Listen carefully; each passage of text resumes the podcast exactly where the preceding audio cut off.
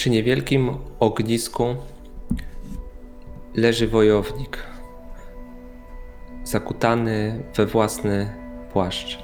To ognisko już powoli dogasa. Obok zgromadzone jest drewno, które ma służyć do tego, żeby w trakcie nocy po prostu dołożyć do tego ognia, żeby go znowu obudzić, żeby ten ogień dawał jakieś ciepło. Obok tego śpiącego wojownika siedzi przedziwna postać. Ni to kobieta, ni to łania. Jakby połączenie tych dwóch istot w jedno ciało. U góry ładna dziewczyna od pasa w górę z jakimiś tam ozdobami wykonanymi z drewna, liści czy jakichś kolorowych kamieni. Od pasa w dół dzikie zwierzę, racice, kudłate nogi. Ta postać siedzi obok wojownika i gładzi go delikatnie po głowie. Wojownik coś mruczy, po czym powoli otwiera oczy i widzi tą dziwną postać, która siedzi nad nim i mówi: Oj, przepraszam, Ainarze. Nie chciałam cię obudzić, ale nie mogłam się również powstrzymać, żeby nie dotknąć twojej zmęczonej twarzy. O, czyli, czyli nie jesteśmy we, w śnie. Nie, nie wydaje mi się, żeby to był sen.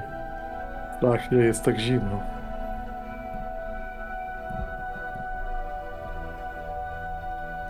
Ona dokłada do ognia kilka takich niewielkich szczapek. Po chwili to drewno wybucha takim dosyć dużym płomieniem i czujesz ciepło, które od niego bije. Ona wystawia ręce do tego ognia, żeby również się ogrzać. Co jest dla ciebie właściwie zaskakujące, no ona jest e, naga, no tak jak zwierzęta nie nosi na sobie jakichś skór czy innego odzienia. Znaczy ty w tym płaszczu i w swoim normalnym ubiorze tutaj czujesz ten, ten chłód, natomiast patrząc na, niej, na nią wydaje ci się, że jej musi być znacznie, znacznie zimniej. Aczkolwiek nie drży, nie okazuje też jakiegoś takiego właśnie uczucia zimna na sobie. Mój wzrok mimowolnie wędruje w kierunku mm, worka, który, który pachnie krwią. I Widać na nim czarną plamę.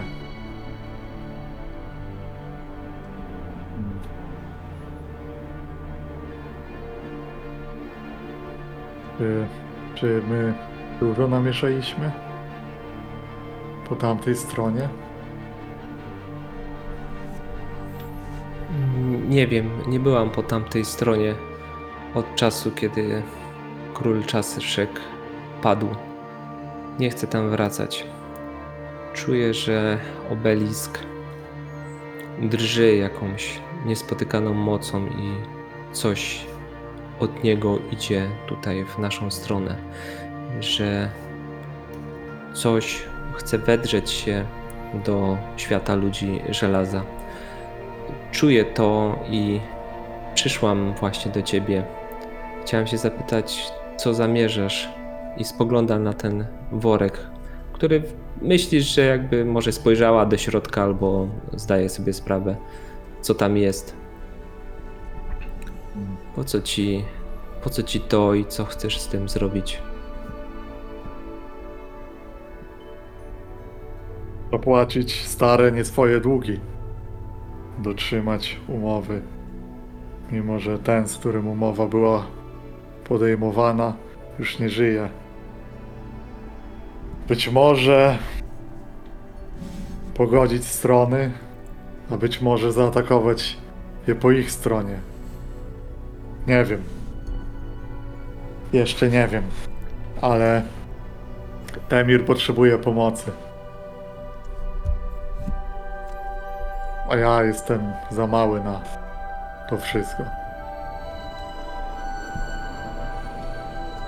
Chcesz przejść przez obelisk na drugą stronę?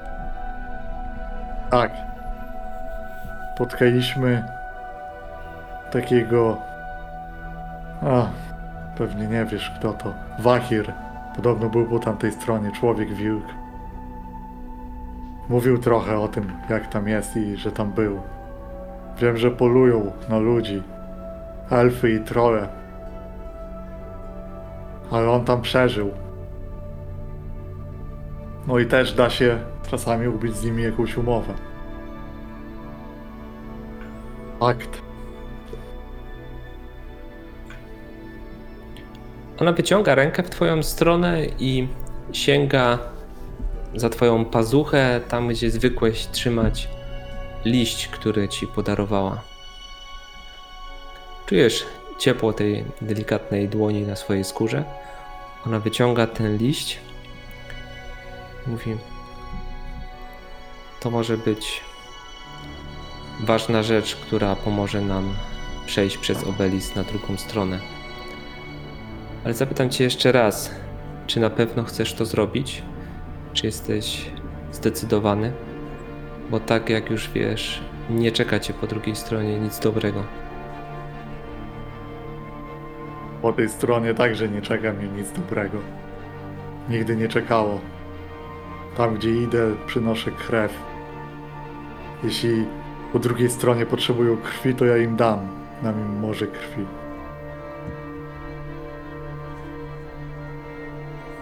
Dobrze, Einarze. Zaśnij. Śpij mocnym snem. Będziesz potrzebował sił, jeżeli zamierzamy przejść przez obelisk.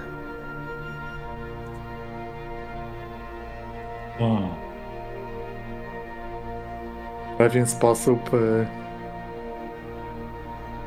jestem trochę w tej całej sytuacji chłodny i celowo twardy, gdyż nie czuję, że inaczej. Potrzebuję być tym, kim byłem kiedyś teraz.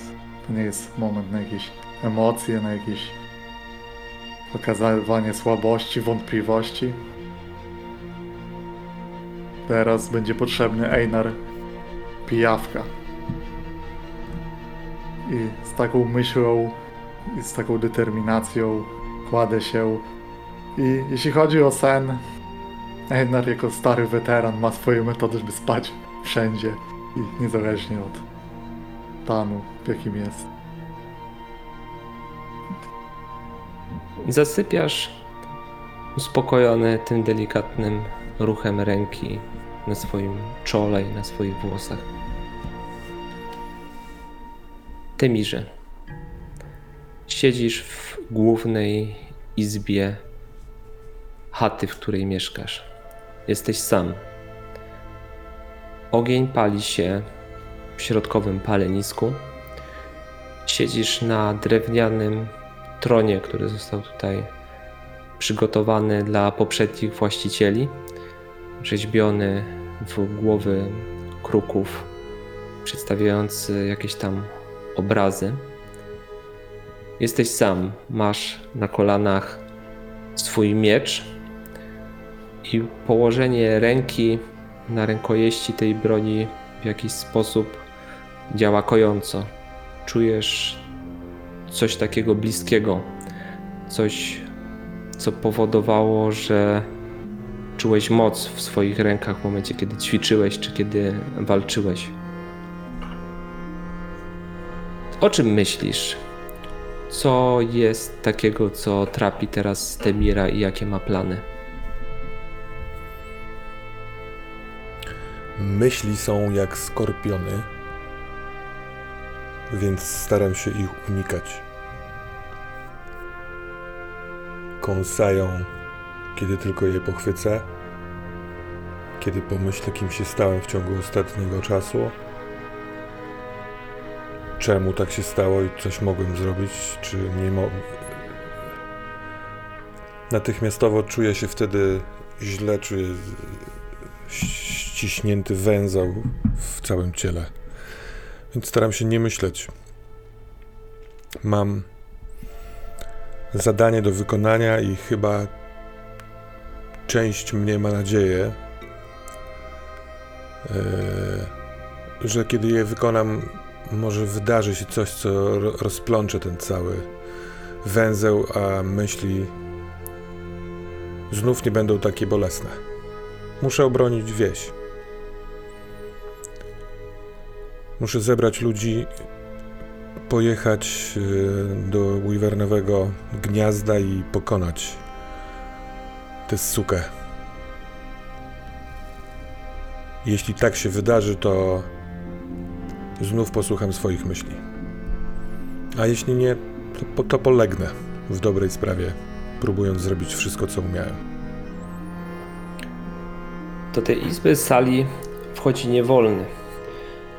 Ten niewolny powłóczy nogą i szybko rozpoznajesz w jego postaci kowę, człowieka, którego złapaliście w głębokiej wodzie, który został wysłany przez Segurę, najęty za żelazo, żeby poszukać Lechiego, Zekę i Einara.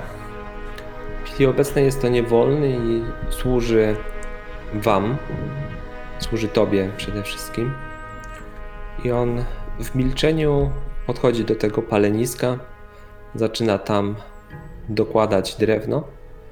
Spogląda na ciebie, tutaj samotnego, ale nie odzywa się. Widzisz, że w momencie, kiedy spojrzał na ciebie, szybko opuścił wzrok, by ponownie zająć się swoją pracą. Odkąd on przyszedł, wszedł do izby, ja patrzę na niego, bo znowu te myśli, ale te nie są aż tak bolesne. Bo moment, kiedy się pojedynkowałem z jego kompanem i kiedy później goniliśmy go razem z e, Einarem, no to to był moment z tych jeszcze czasów, w których wiedziałem, co się dzieje dookoła mnie. Więc patrzenie na niego przypomina mi o tym. Jak on spogląda i odwraca wzrok, to mówię do niego od razu. Mów, jeśli chcesz coś powiedzieć.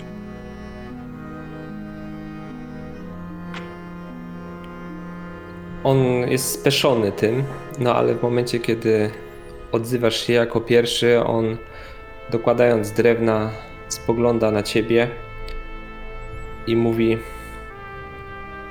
Widzisz, panie, losy ludzkie są tak skomplikowane, że jednego dnia jesteś łupieżcą, a drugiego dnia jesteś niewolnym. Jednego dnia to ty gonisz drugiego dnia ktoś goni ciebie. Widzę, że jesteś mocno zmieszany, zakłopotany tym, co się dzieje.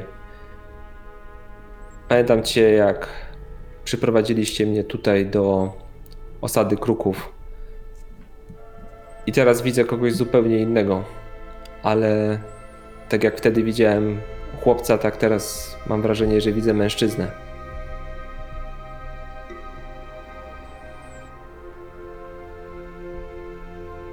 Możesz mieć rację.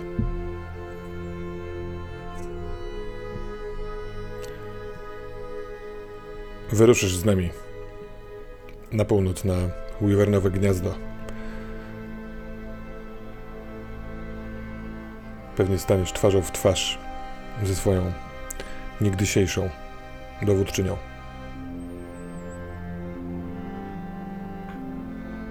Jeżeli tak rozkażesz, tak się stanie.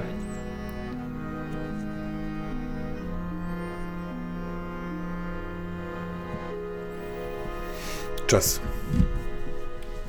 Wstaję. On stoi czekając na to, żebyś go, nie wiem, oddalił albo może wydał mu jeszcze jakieś polecenie.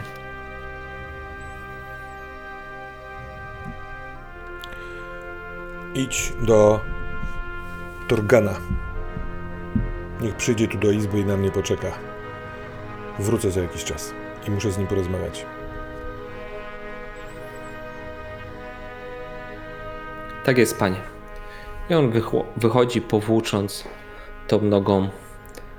Czuć, że w tej izbie ogień został podsycony i to ciepło zaczyna się pod niej rozchodzić, dając równocześnie więcej światła.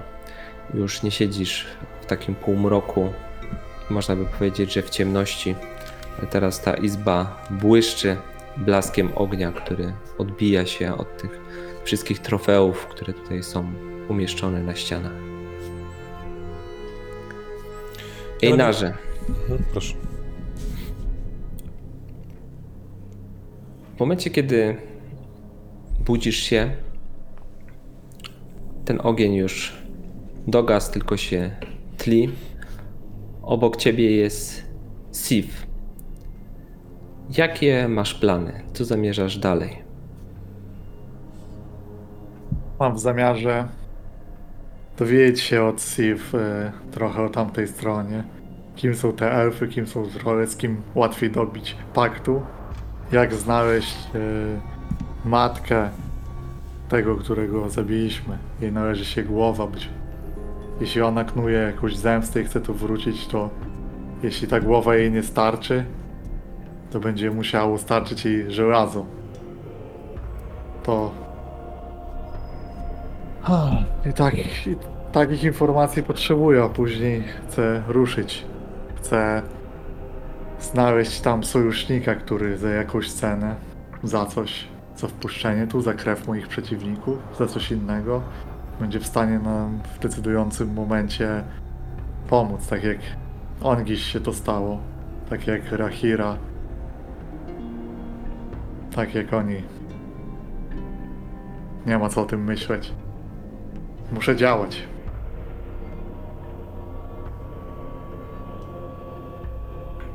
W momencie, w którym idziecie w kierunku obelisku, Sif prowadzi was przez mokradła i bagna bardzo taki pewny sposób, tak jakby je doskonale znała. Ona opowiada ci troszeczkę o tej drugiej stronie. E, sprawa wygląda w ten sposób, że kiedyś elfy i trolle miały dostęp tutaj do żelaznych ziem, ale to było tak dawno temu, że już nikt tego nie pamięta.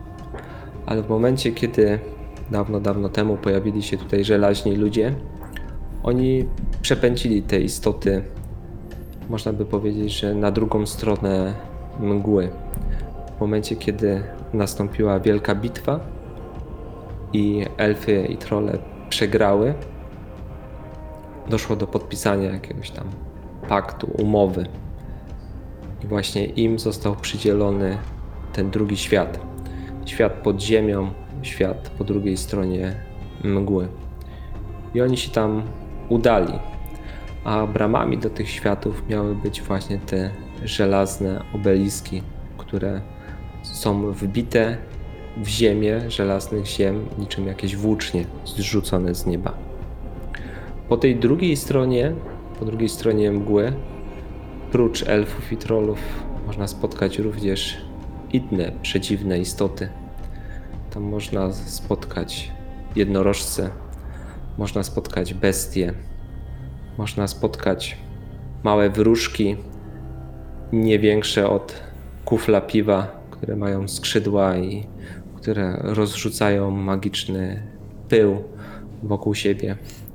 I tam żyją te istoty, natomiast one co pewien czas chciałyby z ciekawości, a być może jakiejś żądzy powrotu na swoje dawne ziemie, pojawiać się tutaj właśnie na żelaznych ziemiach.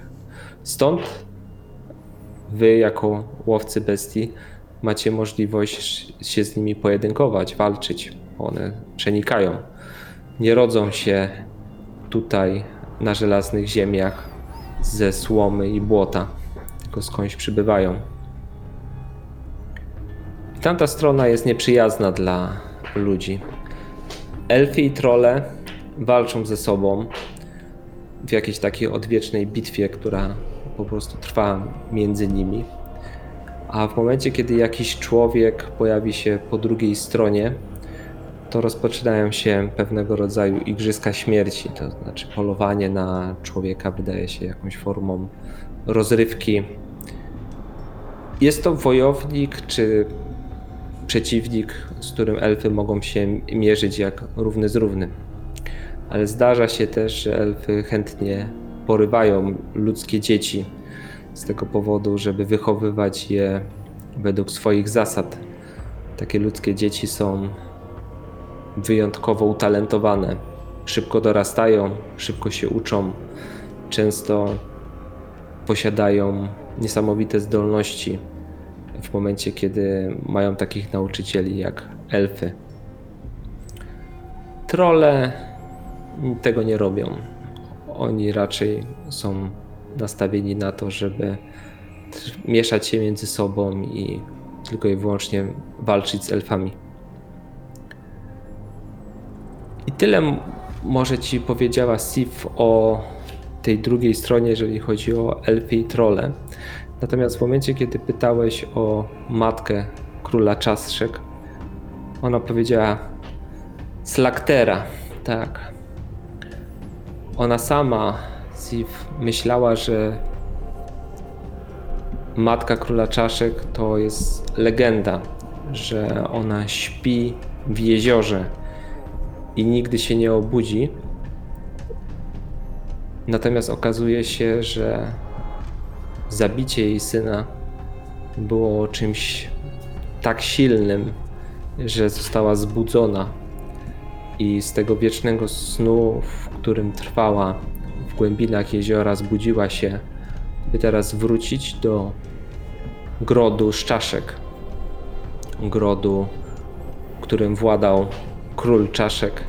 Zapewne tam zasiada w wielkiej izbie, w wielkiej komnacie na górze szczaszek, ofiar, które przybyły z tego lub innego świata. Ponieważ musisz wiedzieć, Einarze, że w momencie, kiedy tutaj na żelaznych ziemiach jakiś wojownik wyzionie ducha, to on przechodzi właśnie przez bramę z obelisku i tam wędruje przez mgłę, by dotrzeć do wielkiego drzewa, a pod tym drzewem znajduje się wejście do krainy umarłych.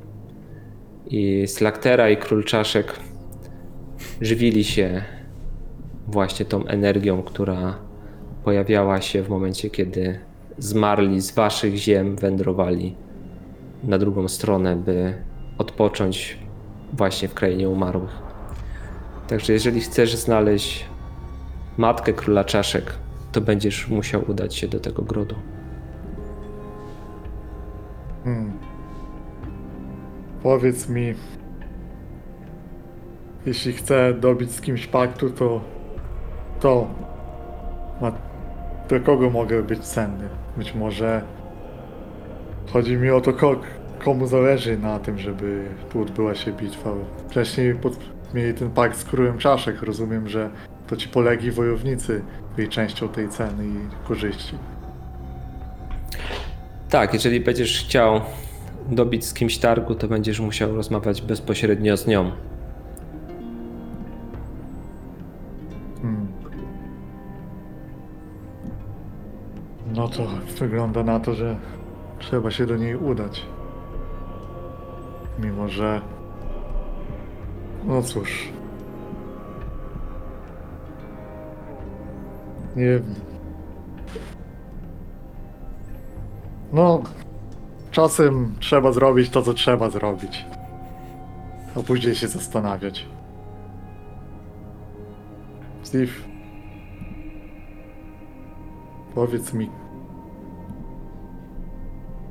To. To nie pozwala ci wrócić. Czemu nie jesteś tam?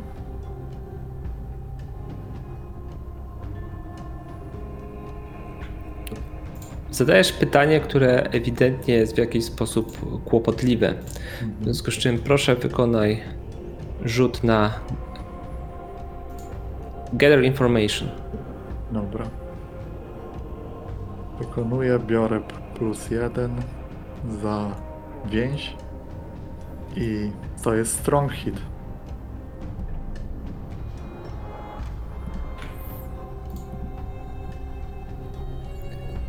Widzisz, że to pytanie, które zadałeś, jest na tyle kłopotliwe dla Steve, że ona błyskawicznie zmienia temat albo przyspiesza kroku, tak żebyś musiał ty gonić za nią.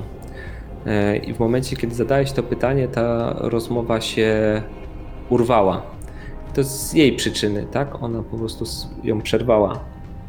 No ale zdaję sobie sprawę z tego, że nie uniknie odpowiedzi na to pytanie, no bo jeszcze będziecie przecież musieli wędrować, no i z drugiej strony, jak można być przyjacielem, a chować przed drugą stroną taką prawdę.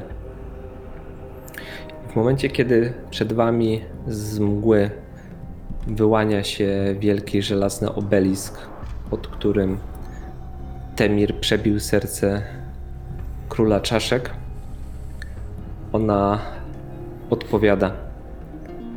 Einarze, zanim przejdziemy na drugą stronę,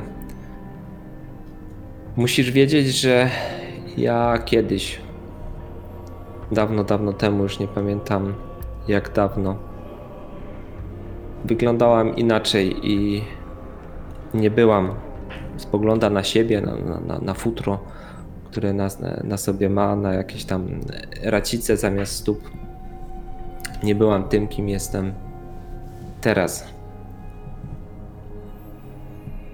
Każdy z nas ma w świecie, w którym żyje, jakieś niedokończone sprawy albo błędy, które popełnił. Ja w tym świecie popełniłam błąd. I właśnie w ten sposób odpokutowuję to, co uczyniłam. Ale chyba będzie jeszcze czas, żebyś poznał więcej szczegółów. Chwyć mnie za rękę. Przejdziemy na drugą stronę. Chwyta cię mocno, czujesz to, to ciepło. I ona wchodzi we mgłę z tobą. I w pewnym momencie ta mgła staje się tak niesamowicie gęsta, że nie wiesz po prostu, gdzie jesteś i nie jesteś nawet w stanie dojrzeć jej, bo ona ci się traci z zasięgu wzroku, czujesz tylko ciepło jej dłoni. I po chwili ta mgła zaczyna się rozwiewać, a ty znowu stoisz pod obeliskiem. Natomiast wydaje ci się, że jesteś w jakimś tunelu. Po prawej i po lewej stronie jest palisada ostroku, tak jakby ten tunel prowadził w jakąś stronę i w momencie, gdy się odwracasz, to widzisz obelisk, ale tak jakbyś był po jego drugiej stronie. O, Temirze. W momencie, kiedy Kowa wyszedł, ty jeszcze chciałeś coś zrobić, zanim przyjdzie do twojej izby dowódca wojowników, dowódca Huskarlów. Chcę odwiedzić yy, Tasję, moją siostrę. Zakładam, że to nie jest ten sam dzień, że nie jestem zbryzgany niczyją krwią, bo jeśli to tak jest, to najpierw idę się obmyć. Możemy spokojnie założyć, że to jest kolejny dzień. Einara już z wami nie ma. Mhm. On wyruszył w podróż na tą drugą stronę. Także może tylko słyszałeś od miejscowych, że Einar wyszedł za bramę. Natomiast ty zostałeś tutaj sam, załatwiałeś tam sprawy grodu. Widziałeś mnóstwo spojrzeń, które były kierowane w twoją stronę, no bo dużo osób widziało, gdy Mhm. wykonywałeś wyrok na Kudrun. E, ten czas minął, tak, ty się obmyłeś, wyglądasz zupełnie inaczej. Teraz udajesz się do Tasji, do chaty, w której ona mieszka wraz z kilkoma innymi kobietami. One tam wieczorami przędą i zajmują się takimi kobiecymi sprawami. E, Odnajduję ją przy jednej z tych czynności e, i właściwie na nic już nie zważając, e, siadam blisko, tak żeby ona mnie widziała naprzeciwko niej. Te pozostałe kobiety zostaną, czy nie, to mnie nie interesuje. Nie widzę tego. Siostro. Chcę za dwa dni wyruszyć na północ z wojami, z tymi, którzy zdążą przybyć. Chciałbym, żebyś została tutaj. I jeśli przyjdą jacyś po czasie naszego odejścia, wysłała ich za nami. Chyba, że uznasz inaczej. Na przykład, że długo już nas nie ma, najprawdopodobniej nie zdążą na, do nas dojść. Może wtedy będziesz chciała, żeby zostali tu. Mam też prośbę, żebyś odwiedziła Togara i poprosiła go w moim imieniu, żeby czatował blisko obeliska. I kiedy wyjdzie stamtąd Einar, przekazał mu, że ruszyliśmy na północ. Jeśli będzie chciał, do nas dołączy. A jeśli nie, to nie. Czy możesz to zrobić? Tak, bracie, możesz na mnie liczyć. Tak jak zawsze mogłeś. Powiedz mi, wybrałeś już miejsce bitwy, gdzie przyjmiecie walkę i gdzie odbędzie się ta spotkanie z Segurą?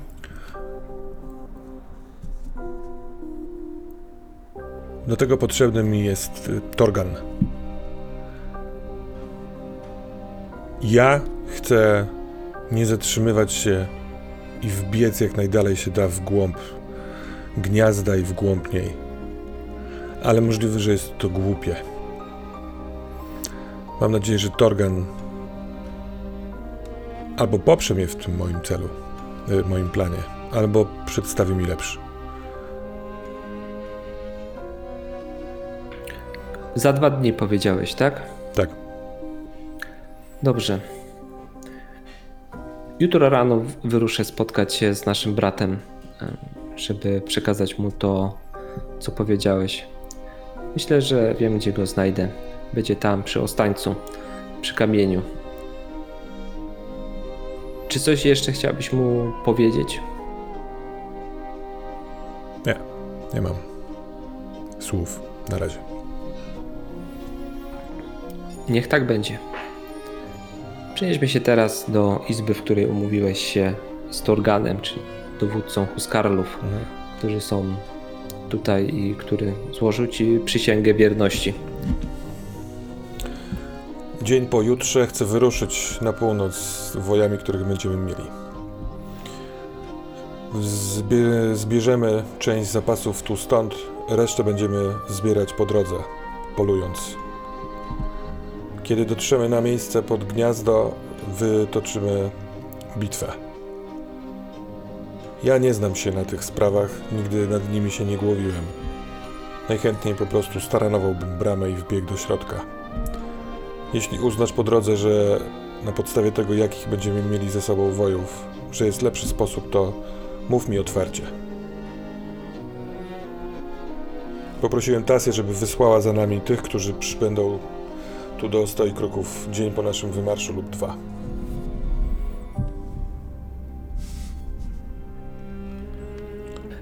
Wykonaj ruch mm, Secure an Advantage. Wydaje mi się, że wy się po prostu przygotujecie, przygotowujecie do bitwy. W związku z czym te wszystkie informacje, które starasz się pozyskać od tego starego wojownika, no to jest właśnie to. To jest. O, to jest Strong Hit i to z, tą, z tym dubletem. Nie pamiętam, jak się to nazywa tutaj. Dublet. Także niech, niech będzie. E, świetnie. Myślę, że tutaj najlepiej się e, nadaje jako konsekwencja tego rzutu, ale taka pozytywna prepare to act, czyli przygotuj się do działania plus dwa momentum. Zaczynacie rozmawiać z Torganem na temat tego, jak ma wyglądać bitwa, ilu macie ludzi, jak są wyposażeni. I w momencie, kiedy dowiadujesz się tych takich dosyć cennych informacji na temat wojowania, ale nie z bestiami, tylko tak jak się wojuje z przeciwnikiem, który ma do dyspozycji swoich wojów, jak się podejmuje bitwę, to można by powiedzieć, że serce ci rośnie, ponieważ Torgan zdaje się dosyć dobrze znać na tym wojennym rzemiośle i podpowiada ci kilka rzeczy oraz w jakiś tam sposób podbudowuje swoimi informacjami. Jest miejsce, pomiędzy waszymi grodami, które nadaje się doskonale do tego, żeby wypowiedzieć w tym miejscu bitwie Segurze. Właśnie w momencie, kiedy podchodzi się pod gniazdo wiwerny, tam jest takie niewielkie wzniesienie. Jeżeli uda się podejść pod gród z wojami i ustawić na tym wzniesieniu, to wtedy wróg atakując was będzie musiał wspinać się na to wzniesienie i będzie w znacznie gorszej pozycji, a wy będziecie mogli ustawić po prostu swoją ścianę tarcz i przyjmować wroga właśnie w tym dobrym miejscu, e, mając to jako swoją zaletę. Jeżeli chodzi o wojów, którzy są tutaj w Grodzie, to zostali przez Rahirę i Jagmunda dobrze wyposażeni. Oni są ciężko zbrojni. Mają kolczugi, mają solidnej jakości włócznie. Dużo tarcz zostało wyprodukowanych e, właśnie na jakąś nadchodzącą bitwę, w związku z czym spokojnie będzie można wziąć ze sobą wozy, na których będzie można umieścić tarcze, mocne drzewce włóczni, czy jakieś osełki do mieczy, żeby w trakcie bitwy po prostu móc te tarcze wymieniać. E, także tutaj będziecie zabezpieczeni. Gorzej z zapasami. Zapasy zostały pożarte przez myszy i niewiele będziecie w stanie wziąć z grodu. Natomiast jeżeli coś weźmiecie, no to jest, są to resztki zapasów i ludzie, którzy zostaną tutaj, no nie będą mieli nic więcej. Oni będą musieli po prostu sami wyruszyć do lasu i jakoś tam zdobywać tą żywność. Także tutaj jest problem, ale tak jak powiedziałeś, no może da się to po prostu zaspokoić te potrzeby polując i zbierając po prostu żywność po drodze.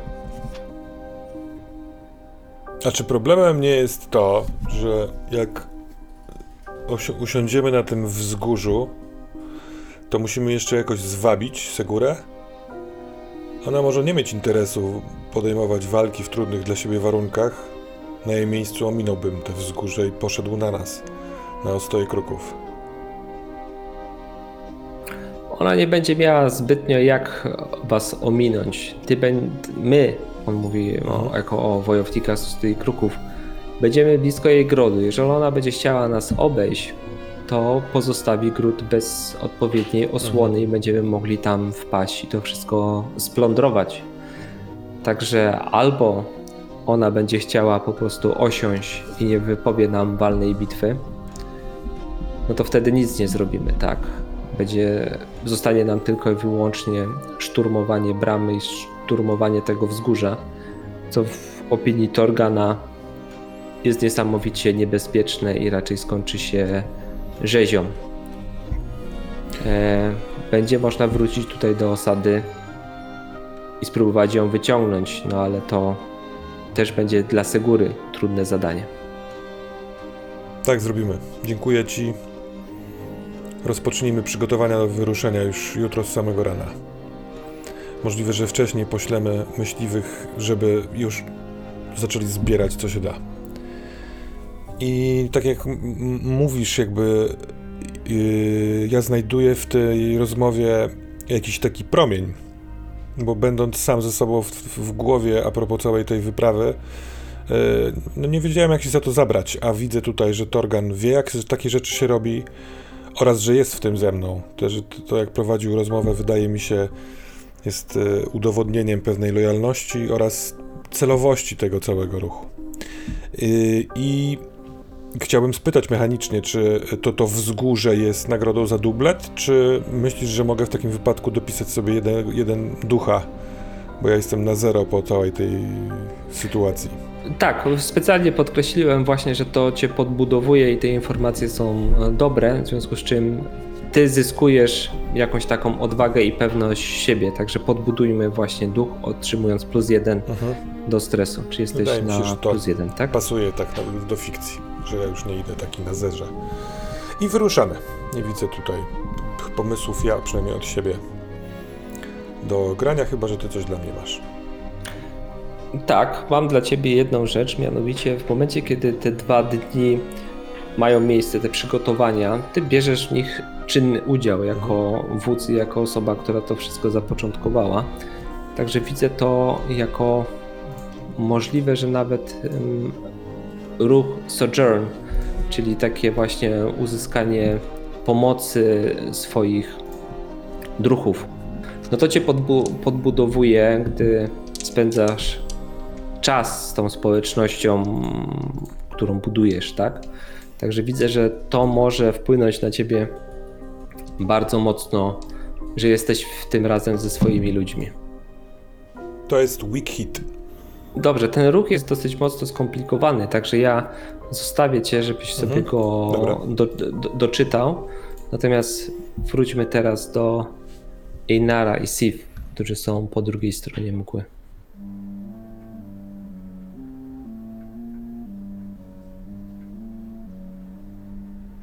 Einarze, jesteś po drugiej stronie mgły. Sif puściła twoją rękę. Widzisz po prawej i po lewej stronie ostroku, który gdzieś prowadzi. Idziecie tym tunelem. Zdajesz sobie doskonale sprawę, że w momencie, kiedy byłeś u siebie na żelaznych ziemiach, takiego ostrokołu w okolicy nie było.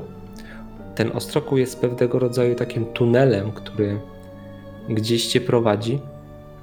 W momencie, kiedy wychodzicie na otwartą przestrzeń, widzisz dużą taflę jeziora. Nad tym jeziorem właśnie unosi się mgła. Ta mgła jest, można by powiedzieć, że tutaj wszędzie.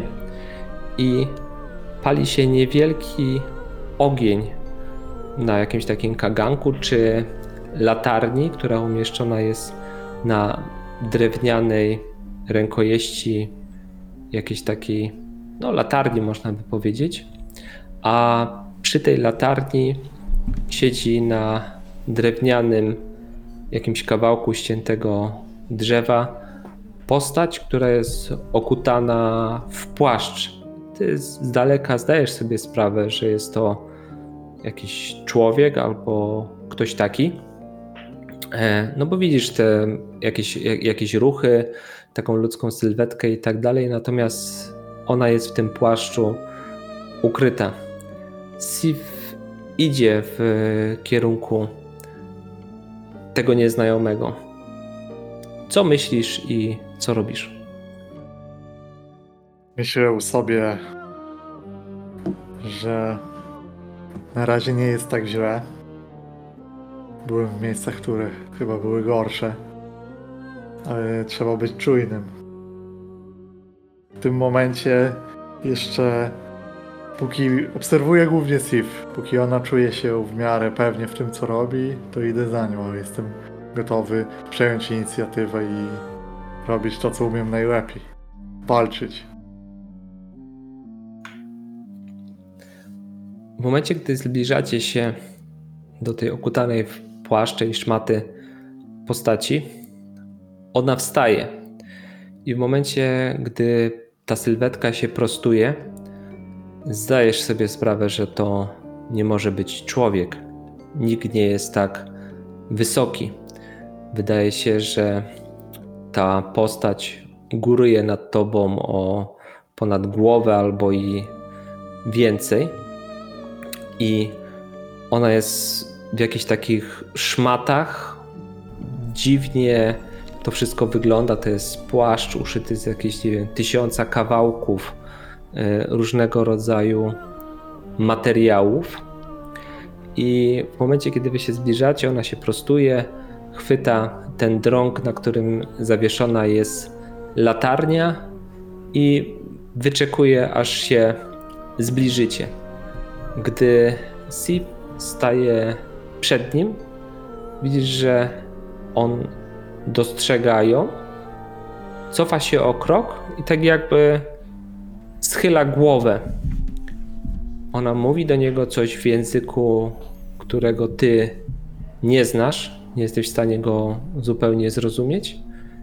I ten wielki dryblas, można by powiedzieć, że góra szmat, zbliża się do ciebie z tą latarnią i zaczyna się tobie przyglądać, oświetla cię. Widzisz, że ręka, która jest zaciśnięta na trzonku tej latarni, jest pokryta jakiegoś dziwnego koloru liszajami. E, To nie jest ręka zdrowego człowieka. Natomiast nie widzisz twarzy, która jest ukryta w mroku tych szmat. I ten ktoś cię ogląda, tak jakbyś był, nie wiem, niewolnikiem, który ma być sprzedany. Znoszę to cierpliwie, ale myślę sobie, że jeśli spróbuje mnie dotknąć, to odrąbię mu tą pieprzoną rękę.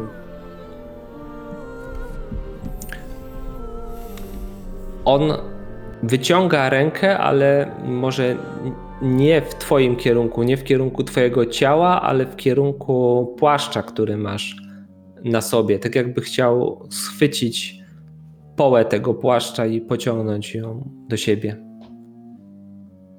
E, to bywam ostrza. On się cofa i doskakuje do ciebie Sif. Chwyta cię za rękę tak, żeby powstrzymać wyciągnięcie miecza z pochwy. Jeśli nie widzę agresywnych ruchów, to e, daję to zrobić, ale patrzę z wściekłością na tę postać. On mówi do ciebie i znowu zdajesz sobie sprawę, że to jest język, którego tak normalnie nie znasz, ale rozumiesz to, co, co mówi. On żyje.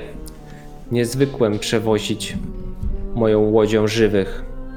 Niech da w takim wypadku kawałek swojego płaszcza, żebym mógł go doszyć.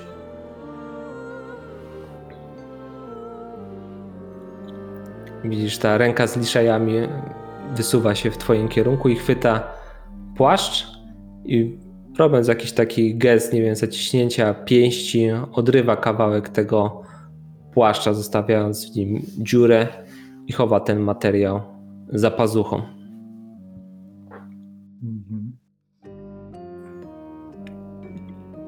Y, Myślę, że to powstrzymywanie się przed akcją to coś jest ciężkie.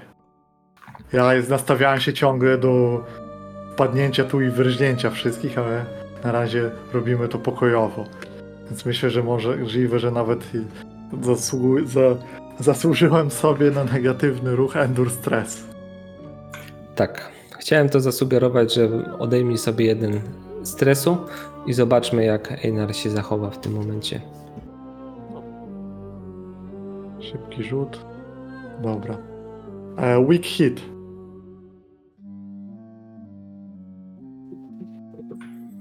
No, Czyli zagryzasz zęby, chyba wsiadasz do łodzi.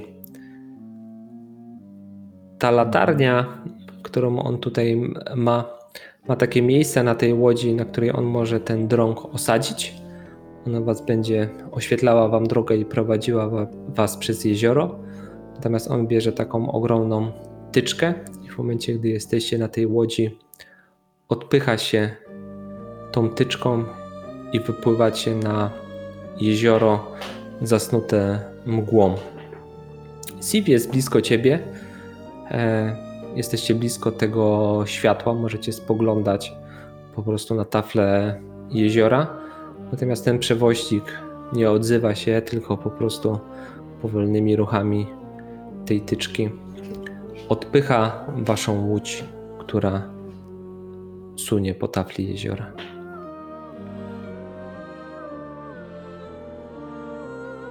mm, Chcesz to dodać Einarze, czy możemy przeskoczyć do Temira? myślę, że możemy przeskoczyć. Jeszcze, zachowuję jeszcze tu cierpliwość. Temirze, jesteś w tym przygotowaniu razem ze swoimi wojownikami, z swoimi ludźmi. Każdy zdaje sobie sprawę, że no, musi w tym wziąć udział i nadszedł czas wojowania w momencie, kiedy do tej pory trwał czas spokoju. W związku z czym kobiety was przygotowują na takiej zasadzie, że wypiekane są z resztek ziarna, które zostało, jakieś placki, suszone mięso, które każdy miał w chałupach, jest rozdzielane w odpowiedni sposób, żeby wojowie, którzy wyruszają do bitwy, właśnie otrzymali coś na tą swoją drogę. Dostajecie również jakieś pamiątki po swoich bliskich, żeby podtrzymywały was w momencie, kiedy będziecie mieli jakieś chwile zawahania przed bitwą, żebyście mogli wspomnieć swoich czy to przodków, czy osoby, które czekają tutaj w ostoi kruków. Ale gdy ty jesteś w tym właśnie przygotowaniu, jesteś taki podbudowany, pełen energii, zwraca Tasję. Mhm. I w momencie, kiedy widzisz ją sunącą w pośpiechu przez błoto, które jest tutaj w całym grodzie, gdy jej buty tuptają na deskach, które właśnie wyściełają tutaj ten gród, widzisz, że coś jest nie w porządku, że ona nie idzie spokojnym krokiem, tylko wręcz przeciwnie jest zaaferowana.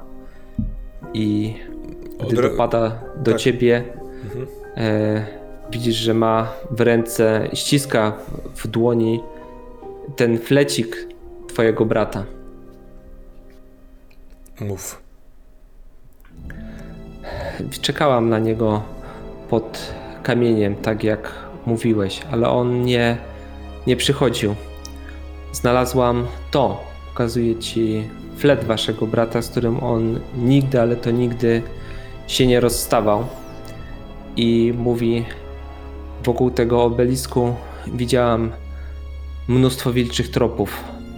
Ziemia była zryta łapami wilków ale też były, były tam odciski butów dwóch ludzi, ludzi z żelaznych ziem.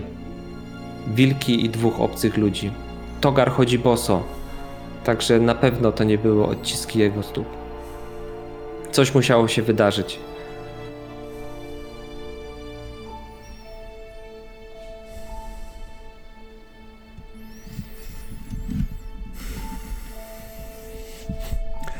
Powiedz mi, yy, Marcinie, proszę, nad stołem, geografię.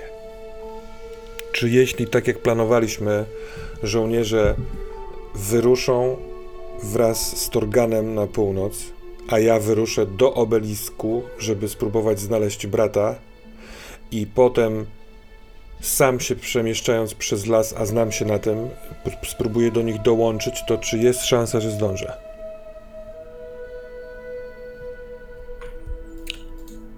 Zobaczmy, co powiedzą Mhm. kości. 50 na 50. Poniżej 50 zdążysz, powyżej będzie ta sytuacja kłopotliwa. 0,3. Także zdążysz. Będziesz musiał się spieszyć, ale jest to do zrobienia. Patrzę dość długo w oczy.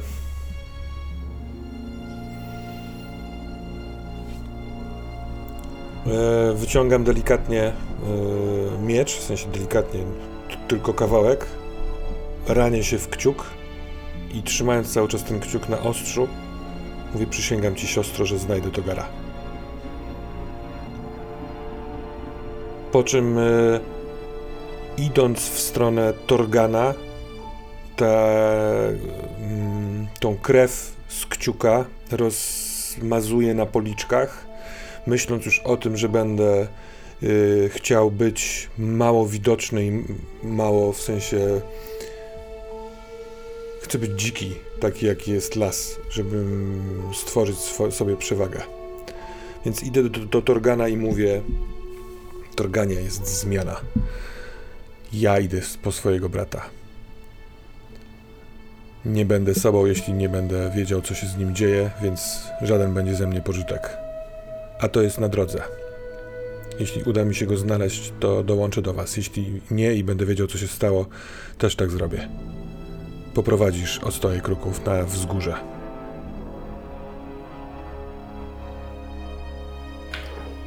Poczekamy na ciebie. Daj znać, jeżeli będziesz do nas zmierzał. Jeżeli wystrzelisz w lesie płonącą strzałę w niebo, powinniśmy ją widzieć. Będziemy wiedzieć, czy czekać, czy stawać do walki na wzgórzu.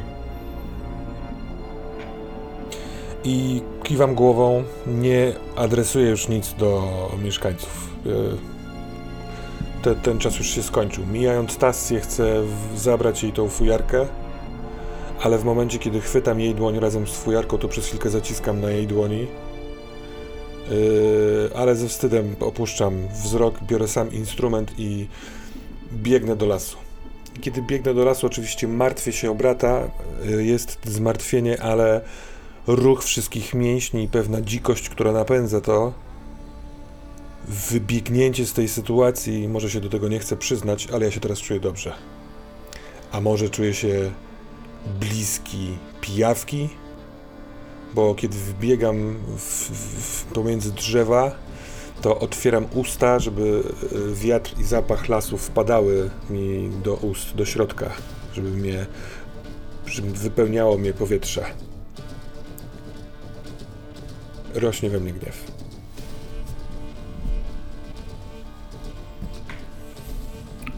W momencie, kiedy ty biegniesz, to zapominasz o tych wszystkich troskach, które tak bardzo przywaliły cię ostatnimi czasy. Znowu jesteś tym Demirem młodzieńcem, który uczył się swojego fachu, uczył się walki i który miał jeszcze swojego mistrza Lechiego. I to uczucie jest bardzo przyjemne, to uczucie jest takie odświeżające. To jest jak powrót do chaty po długiej podróży, takiej znajomej chaty, jak położenie się na własnym legowisku przy ogniu w skórach, których zapach się zna. Jesteś znowu jak człowiek, który ma w sobie dziką krew i czujesz się pewnie po prostu w tym w momencie, gdy biegniesz właśnie do obelisku. Y, Przepraszam, biegniesz do y, kamienia, o którym mówiła Tasja.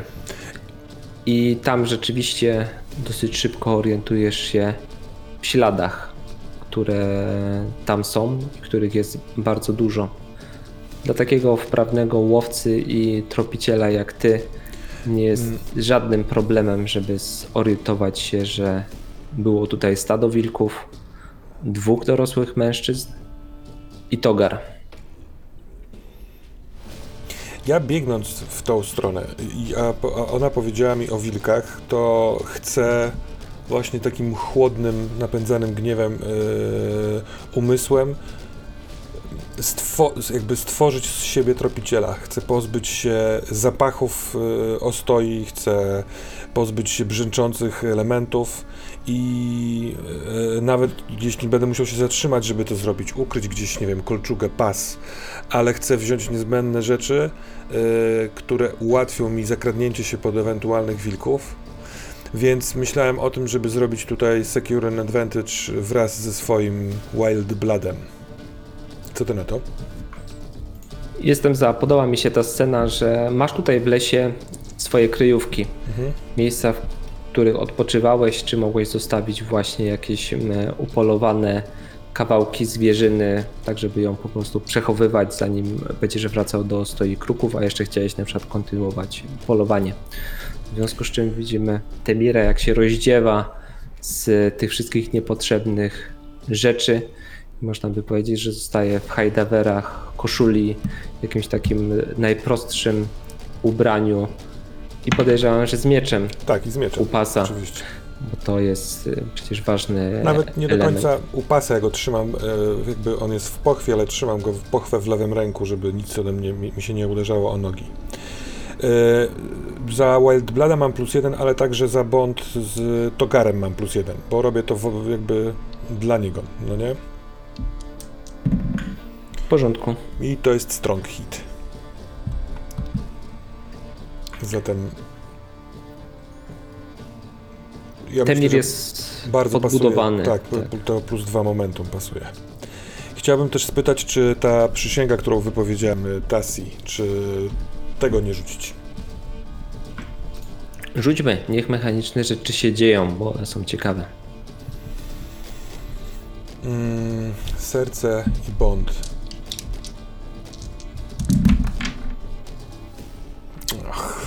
Weak hit. Dobrze, no. Obiecałeś albo przysięgałeś na coś, co tak do końca nie jest pewne, co tam się wydarzyło, i może w Twojej głowie pojawia się ta myśl, że może już jest za późno. Tak. Że obiecałeś albo przysięgasz na coś, co nie będziesz w stanie w żaden sposób spełnić. Albo też jakby kolejna myśl, która może zatruwać mnie. Mogę się w banalny sposób spóźnić, bo Segura może wyjść wcześniej yy, i nie będzie mnie tam, gdzie mógłbym się spróbować odkupić jakoś.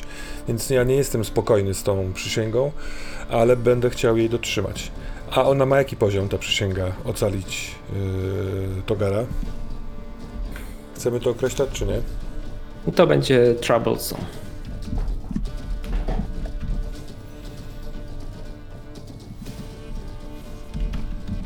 W momencie, gdy oglądasz te ślady, to masz wrażenie, że one prowadzą w kierunku chaty Zekego. I idąc dalej za tymi śladami, widzisz, że ci mężczyźni idą za togarem, a wokół nich podróżuje ta grupa wilków. Czyli e, odczytuję, że Togar wyruszył do Zekego, a oni idą za nim. Idą w bardzo bliskiej odległości. Bardzo możliwe, że on jest ich więźniem. Dobra. Czy w takim wypadku e, chcesz jeszcze, żebym rzucał Gather Information, czy to są informacje, które i tak otrzymuję? Te informacje otrzymujesz. Jeżeli ty chcesz poszukać czegoś więcej, to możemy jak najbardziej wykonać ruch Gather Information. Y, Wtedy dołożę coś z informacji do, do tych, które przekazałem. A może coś pokomplikujemy, tak? Tak, chcę to zrobić, bo wydaje mi się, że jeśli wykonam ruch, to w ten sposób będę mógł wypełniać tę przysięgę wobec Togara. Więc y, tu mam ten mój Wild Blood działa i Bond. Weak hit. Dobrze. Ta grupa wilków jest duża. Togar ewidentnie jest na uwięzi. Prawdopodobnie jest na jakimś sznurze albo coś w ten deseń. I w momencie, kiedy zdajesz sobie sprawę, w którym kierunku to idzie, to również tak zaczynasz myśleć o czasie, w jakim przybyłeś tutaj, kiedy przybyła e, Tasja. I łącząc ze sobą te wszystkie elementy, fakty i tak dalej, jeżeli oni poszli do Zekego, to jesteś mocno do tyłu. I możliwe, że jak dotrzesz do Zekego, to już będzie jakby po fakcie. Pytanie, co oni chcą u niego osiągnąć, ale może być tak, że ich tam nie będzie. Nie zatrzymam się. Pędzę. Pędzę. Pędzę po mojego brata. Jak wygląda Twoje zdrowie? Jestem zdrowy. Nie, nie, nie byłem ranny, odkąd walczyliśmy z królem czaszek. To jestem za tym, że jesteś w takim biegu, zmęczeniu i tak dalej, żeby przyznać Ci minus jeden do zdrowia, że nie robisz żadnych przystanków, tylko napinasz się i jakby gromadzisz całą energię, jaką masz w sobie, żeby po prostu być tam jak najszybciej. Jak najbardziej. Czy w związku z tym rzucać Endure Harm? Tak, zobaczmy, co się wydarzy. To jest strong hit z dubletem.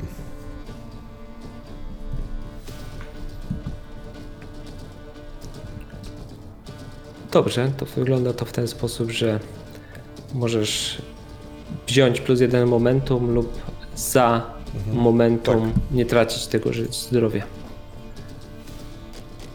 Nie. y, To tak, ja sobie za momentum, którego teraz będę miał 8, odrzucam to zdrowie. I sądzę, że to jest wola i determinacja, bo te tam, nie wiem, rozcięte ramię przez jakąś gałąź, skręcona kostka, e, bo upadłem, na, w sensie biegnąc, skoczyłem na jakiś kamień. Są to rzeczy, które z, za, zaciskam zęby i tym szałem, który wzbiera we mnie, po prostu to przemogę. Nie będę tego czuł, aż w końcu skończy się ten, ten długi, możliwe, że dzień. Tego ja tego nie odczuwam. Czy w tym biegu dzikim i szalonym wyszukując e, wiadomości mogę zaznaczyć progres na tej przysiędze e, ocalić Togara? Tak, jak najbardziej. Natomiast chciałbym dodać za ten dublet, że czujesz w swojej głowie, jak jesteś w tym szale i tak dalej, że odzywa się do ciebie twój stary mistrz. I on w jakiś tam sposób naprowadza cię na odpowiedni kierunek, że tak, jesteś teraz wojownikiem i jesteś mężczyzną. Udowodniłeś, że jesteś godny nosić ten miecz, walczyć nim, pokonywać wrogów. Ale teraz pomyśl, uspokój się, złap oddech. Idą po Zekego i nie zabili to, Togara. Potrzebują ich do czegoś. I to na pewno nie jest sam Zeke. Zeke jest tylko i wyłącznie jakimś kluczem. Może im w czymś pomoże. Idź gdzie indziej. Zbocz z trasy. Wiesz, czego oni chcą. Idź w tamtym kierunku.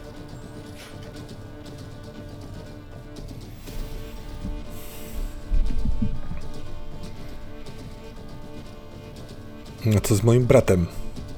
Przy takim dzikim oddechu, biegnąc cały czas, mimo wszystko wyszeptuje te słowa. Zabiorą go ze sobą, czy tylko jest. To jego chcę obronić? On jest im zapewne przewodnikiem. To kieruje się do obelisku. Pod wpływem tego impulsu, w momencie kiedy stajesz na rozwidleniu dróg, pamiętasz dokładnie takie miejsce, które było oznaczone jakimiś zawieszonymi na drzewach symbolami wykonanymi przez Zekego, że w momencie jak skręcisz w prawo, to trafisz do jego chaty, a idąc w lewo, wiesz, że wejdziesz na ścieżkę prowadzącą na mokradła głupców i trafisz w to miejsce, gdzie jest obelisk. Bo rozumuję, że oni chcą wziąć Zekego, żeby wykorzystać jego umiejętności, albo żeby nim za coś zapłacić yy, po drugiej stronie. Tak rozumiem to, co szepcze do mnie mistrz, więc rzeczywiście skracam drogę i będę się przedzierał przez mokradła głupców. Dobrze. Ejnarze, wasza łódź dopływa do brzegów jeziora. Widzisz przed sobą ścianę lasu. Ten las już czujesz, słyszysz i widzisz, że jest inny od tego lasu, który znasz z żelaznych ziem. Drzewa wyglądają troszeczkę inaczej, ich liście wydają się inne. Inny jest zapach tego wszystkiego. I w momencie, kiedy tutaj docieracie i mgła zaczyna się rozwiewać, gdy spoglądasz w kierunku obelisku jeziora, ta mgła dalej jest, ale tutaj, w momencie, gdy jesteście na brzegu, ta mgła już ustąpiła. Spoglądasz w niebo i na tym niebie widzisz dwa księżyce. Jeden mieni się takim czerwonym blaskiem, a drugi lekko niebieskim. I to, co dostrzegasz, na pewno wywołuje w tobie niepokój, bo jest to ewidentny znak tego, że nie jesteś na żelaznych ziemiach, że jesteś w zupełnie innym miejscu. I to spojrzenie w niebo, które tak dobrze znasz, przecież tyle podróżowałeś, znasz księżyc w każdej jego fazie, a tutaj widzisz dwa zupełnie inne. Jest dla ciebie no, mocno stresujące i uderza w ciebie. Hmm. O, tak wygląda ta inna strona. Hmm. A jest tu w ogóle dzień? Będą dwa słońca? Steve, jak to tu jest? Jeżeli wojnę wygrywają elfy, wtedy jest czas słońca. Jeżeli wygrywają trole, wtedy jest czas księżyca. Także wychodzi na to, że trafiliśmy w tym gorszym czasie na tę ziemię. Ona schodzi z łodzi i ściąga jakiś paciorek albo coś takiego ze swojej szyi, jakąś, jakiś wisiorek i daje go temu przewoźnikowi. Wyciąga tą rękę pokrytą liszajami, bierze to i widzisz, jak on wsiada z powrotem do łodzi, odpycha ją i wraca na tą drugą stronę pod obelisk. No dobra, jak wrócimy? On będzie wiedział, jak staniemy tutaj nad jeziorem. Będzie czekał. Bliski. Dziwny. Nie lubię go. Wszyscy tutaj tacy są? To dziwna ziemia. Inna. Myślę, że jeszcze dużo dziwnych rzeczy zobaczysz. Hmm. No dobra. Czyli tak. Poukładałem to sobie trochę w głowie przez tę podróż. Mam głowę do dostarczenia. Może zatrzymam w ten sposób zemstę, a może nie. Może będzie musiało przemówić ostrze. Mam targ do ubicia. Może to będzie Selektera. A może to będą elfy, które teraz mają gorzej, przegrywają.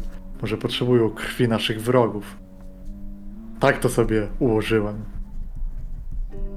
I patrzę tak, czekając na jakąś aprobatę, że to jest świetny plan.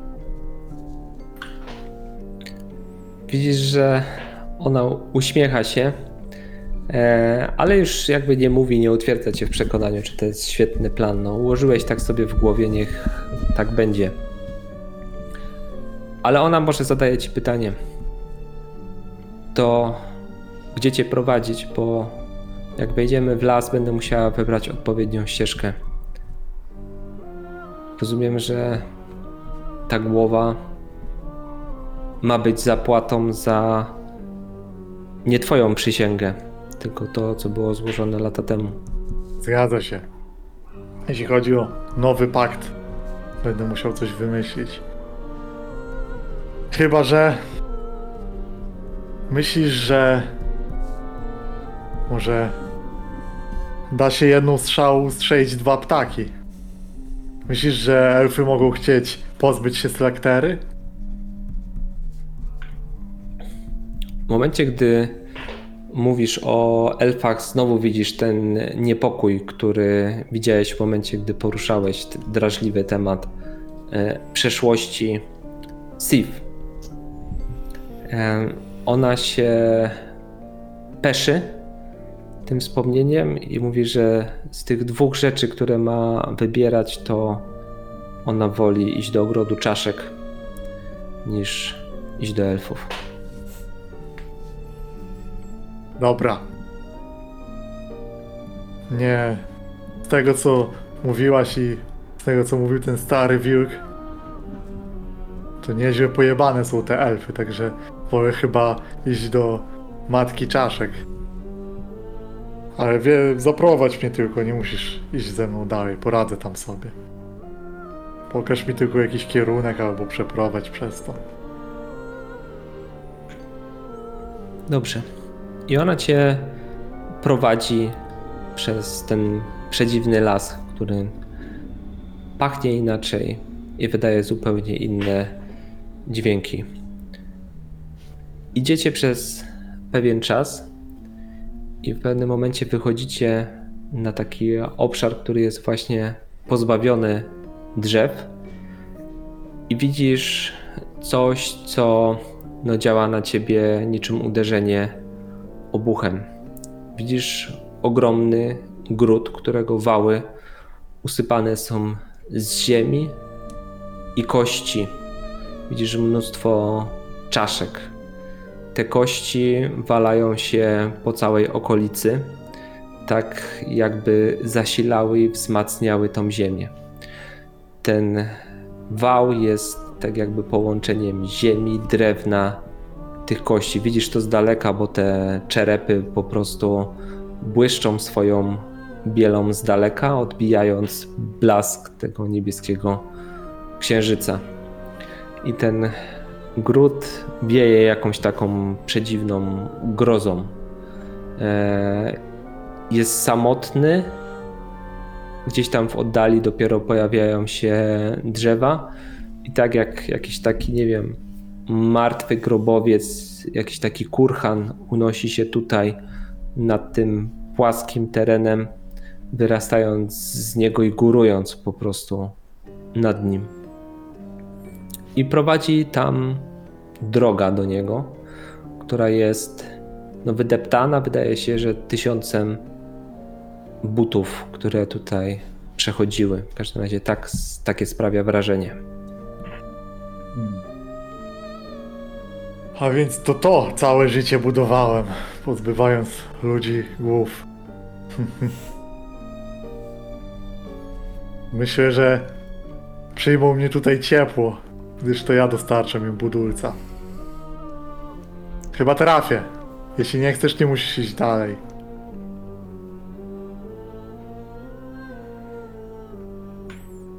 E, rzucę za Sif. Ona jest zaniepokojona, ale z drugiej strony no, masz jakąś więź z nią. W związku z czym 25% szans, że nie pójdzie, 75, że pójdzie. 43. Ona waha się w momencie, kiedy ty ruszasz przed siebie tą drogą i widzisz, że odwraca się w stronę lasu, spogląda na ciebie i po chwili dobiega do ciebie, wyrównując krok z tobą. Ma opuszczoną głowę i widzisz jakiś ogromny niepokój w niej, ale na tych swoich raciczkach idzie koło ciebie. I zaczynacie się zbliżać do grodu, który w momencie, kiedy jesteście coraz bliżej, coraz bardziej góruje nad wami. Wydaje się, że ten gród jest usypany właśnie nie przez ludzi, tylko przez jakieś istoty, jak król czaszek albo ten przedziwny przewoźnik. To wszystko jest dużo większe, a ogrom czaszek i kości, które są wokół ciebie, no wydaje się niesamowita wręcz przytłaczająca.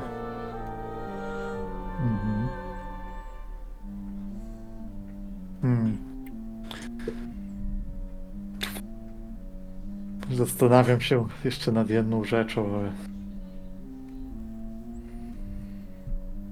No nic, y, biorę e, wór i wyciągam z niego głowę.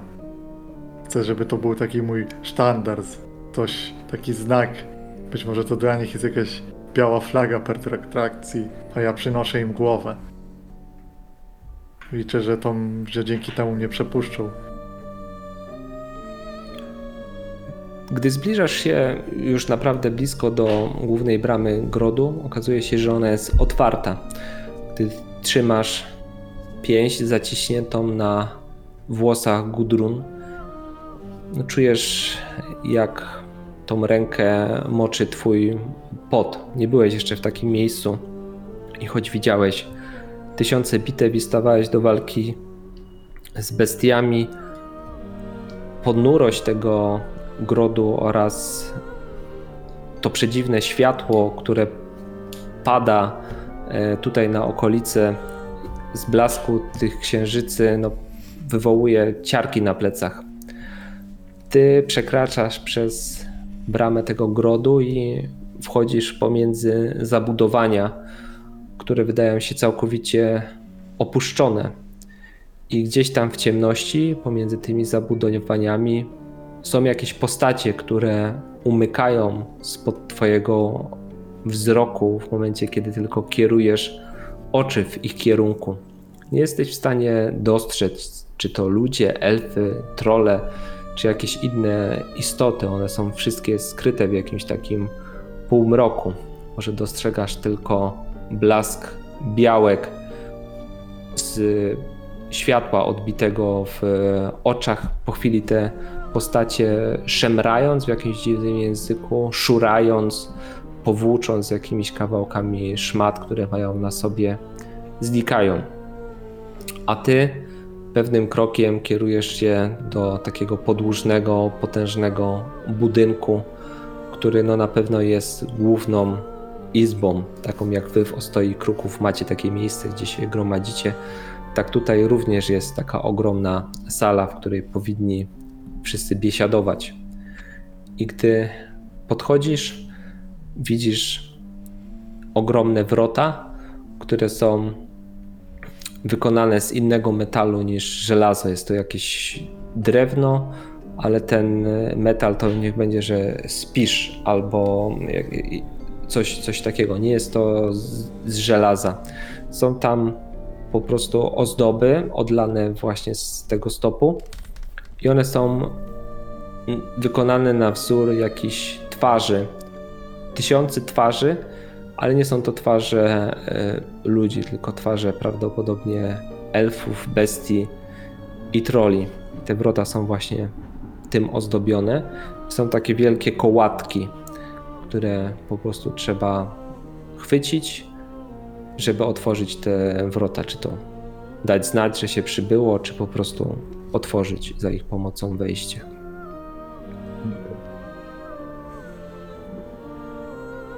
Myślę, że staram się otworzyć to wejście. No. Spodziewam się, że i tak jestem widziany. Więc po prostu idę tak długo, aż mnie ktoś nie zatrzyma. Otwierasz te wrota, z wielkim trudem one ustępują i zanurzasz się w ciemności tej izby. W środku nie płonie żaden ogień, nie płonie żadne źródło światła, które pozwoliłoby ci dostrzec, co jest w środku. Chwilę musisz przyzwyczaić swój wzrok do tego, co widzisz i spoglądając pod swoje stopy, widzisz, że będziesz kroczył po twarzach, które są z czaszek. Tak jak wy wzmacnialiście ziemię i polepę za pomocą kamieni czy jakichś desek, tak tutaj ta ziemia jest wzmocniona za pomocą czaszek. Idąc właśnie taką aleją, można by powiedzieć, dojdziesz do głównego miejsca, gdzie znajduje się przeogromny tron. I ten tron również usadowiony jest na jakimś takim wzgórzu usypanym z czaszek.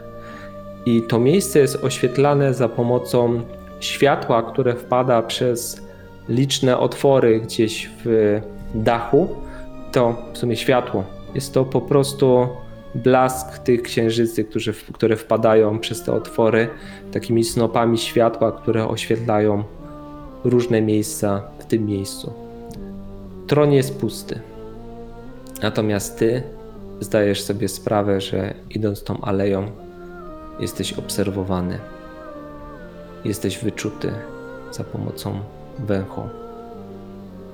I że jesteś tutaj tylko i wyłącznie jakimś przedziwnym gościem.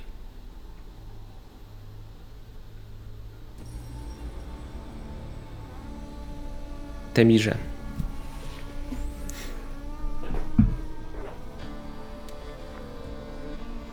Dostrzegasz przed sobą, że niedługo zbliżysz się do obelisku. Widzisz go wystający ponad koronami drzew. Jesteś dyszany, ale w twoich żyłach buzuje krew. Jesteś napędzony jakąś przedziwną energią, która ostatnimi czasy była jakby z ciebie wypompowana i wyciągnięta. Teraz znowu jesteś niczym pies na łowach, niczym wilk na tropie. Jeśli będę walczył z wilkami, to może być to trudne. I w związku z tym chciałbym, zanim stanę pla- na placu przy obelisku, yy, z, z, przygotować się w ten sposób, że utworzyć pochodnię, która długo będzie się paliła. To może być trudne i karkołomne, bo nie wziąłem wiele rzeczy ze sobą, ale ja znam las i chciałbym znaleźć jakąś. Yy, mm, jakiś zestaw rzeczy do znalezienia w lesie, czy żywice, czy liście y, odpowiednio związane, pnącza wokół jakiegoś drąga, y, które kiedy skrzesam kamieniami y, iskrę, będą się palić długo. Jest ruch w dodatku, który nazywa się Check Your Gear, czyli to jest idealny ruch, który wykonamy w, w tej sytuacji. Rzuca się na supply, żeby sprawdzić, czy masz właśnie rzecz, która jest potrzebna do danej akcji, do danej sceny. No zasoby mam. y, Czy max jest 5? Bo y, ja mam zapisane 4, ale podejrzewam, że 5 w związku z tym, że nie wydawaliśmy chyba zasobów. I odbudowaliście Tak. to będąc w osadzie, tak jest. To jest strong hit. Dobrze, myślę, że w momencie, kiedy byłeś w tej swojej, nie chcę jakby to powiedzieć, kryjówce, gdzie zostawiałeś tam swoje rzeczy, tam miałeś właśnie taką pochodnię przygotowaną na trudną chwilę, gdy trzeba po prostu skorzystać z ognia.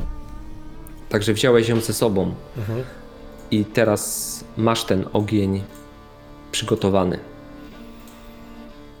Y, więc sprawdzając wiatr, chcę ustawić się w, w takim miejscu w stosunku do samego obeliska, żeby y, zapach dymu i te, te, te, jakby tego, tego ognia nie wpadał razem z wiatrem na plac, bo zakładam, że może się, może się wydarzyć sytuacja, w której ci, którzy pojmali mojego brata i Zekiego wejdą, będą chcieli się zbliżyć do obelisku, a nie chcę, żeby wyczuli mnie zanim to zrobią.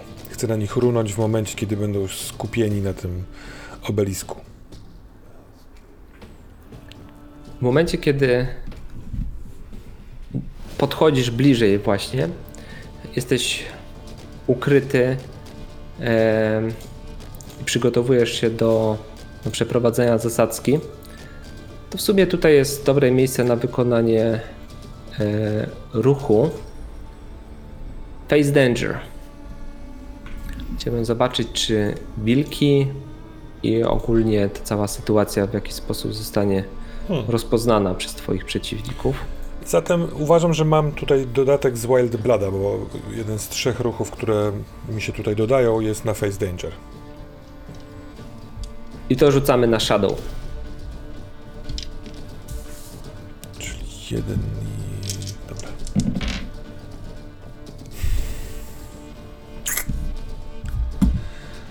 Momencik, to jest porażka, ale zastanowię się nad weak hitem za pomocą momentum.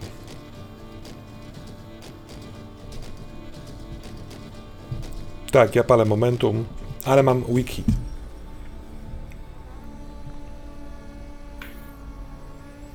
Dobrze. Mhm. Ja myślę, że możemy to na dwie rzeczy y, zrobić. Albo y, suffer minus one supply, czyli ta pochodnia się jakby no wy, wy, wypali, ona po tej całej akcji będzie do wyrzucenia, nie, nie będzie się nalewała do niczego innego. Albo mm, troszeczkę jakby jesteś mm, spóźniony, może nie jest ta pozycja taka dobra. E, także lose advantage minus jeden momentu.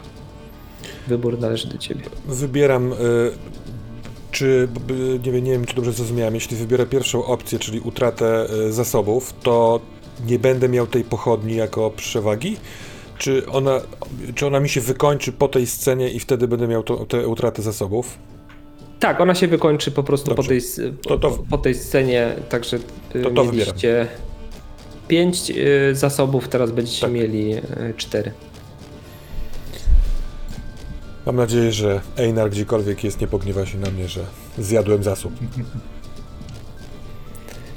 Przy obelisku siedzą albo leżą wilki. Pomiędzy nimi widzisz Wahira, Zekego, Togara i mężczyznę, którego nie widziałeś na własne oczy, ale możesz się domyślać, że jest to szaman, o którym wspominali ludzie w momencie, gdy mówili o Segurze. Ten człowiek ubrany jest w jakieś przedziwne szaty. Ma na sobie mnóstwo różnego rodzaju paciorków, ale też odległości widzisz, że włosy ma posklejane za pomocą jakiegoś krowiego łajna. Jego ubranie też jest oblepione albo posmarowane e, łajnem. Na twarzy ma jakieś wymalowane za pomocą kolorowej glinki symbole i w momencie, kiedy on się porusza, to te wszystkie rzeczy, które na nim są, wydają taki szeleszczący albo uderzający o, sie, o, o siebie e, odgłos. Ma na sobie jakieś elementy z żelaza, ma na sobie jakieś paciorki, koraliki, także to wszystko e, po prostu wydaje dźwięki. E, Togar jest przywiązany do jakiegoś drzewa za pomocą konopnego powrozu. On ten powróz ma zaciągnięty na szyi i ma związane ręce w taki sposób, że nie jest w stanie się uwolnić. I on jest gdzieś z boku. Natomiast Zeke stoi przy obelisku, ym, obserwowany przez Wahira i obserwowany przez tego szamana, jakby nie wiem, miał coś wokół tego obelisku zrobić, a oni czekają na rezultat tego działania. Czy pozycja Togara jest taka, że mógłbym spróbować zakraść się do niego y, y, i próbować go uwolnić od drugiej strony tego drzewa, tak żeby, y, oczywiście ryzykując, że zostanę wykryty, ale żeby mieć szansę, że nie jestem wykryty? Jasne, Tak chcę zrobić. to myślę, że to jest kolejny ruch właśnie face danger, jeżeli decydujesz się na takie działanie. Tak. I robię to z Shadowem pewnie, tak? Y, Stanowczo z, z Shadow, tak jest. To jest porażka. I to z z dubletem. Dobrze. To wygląda tak, że w momencie, kiedy zbliżasz się do Togara, twoja pochodnia gaśnie. Wypala się tak, jakby została zdmuchnięta za pomocą jakiegoś takiego wiatru wytworzonego w nienaturalny sposób. To nie jest normalne zgaśnięcie pochodni. I ona się wypala z takim głośnym dźwiękiem. Tym momencie, kiedy zbliżasz się do Togara, wilki podnoszą łby i wstają, dostrzegając cię, i w tym momencie Wahir odwraca się w twoim kierunku i wasze spojrzenia się spotykają.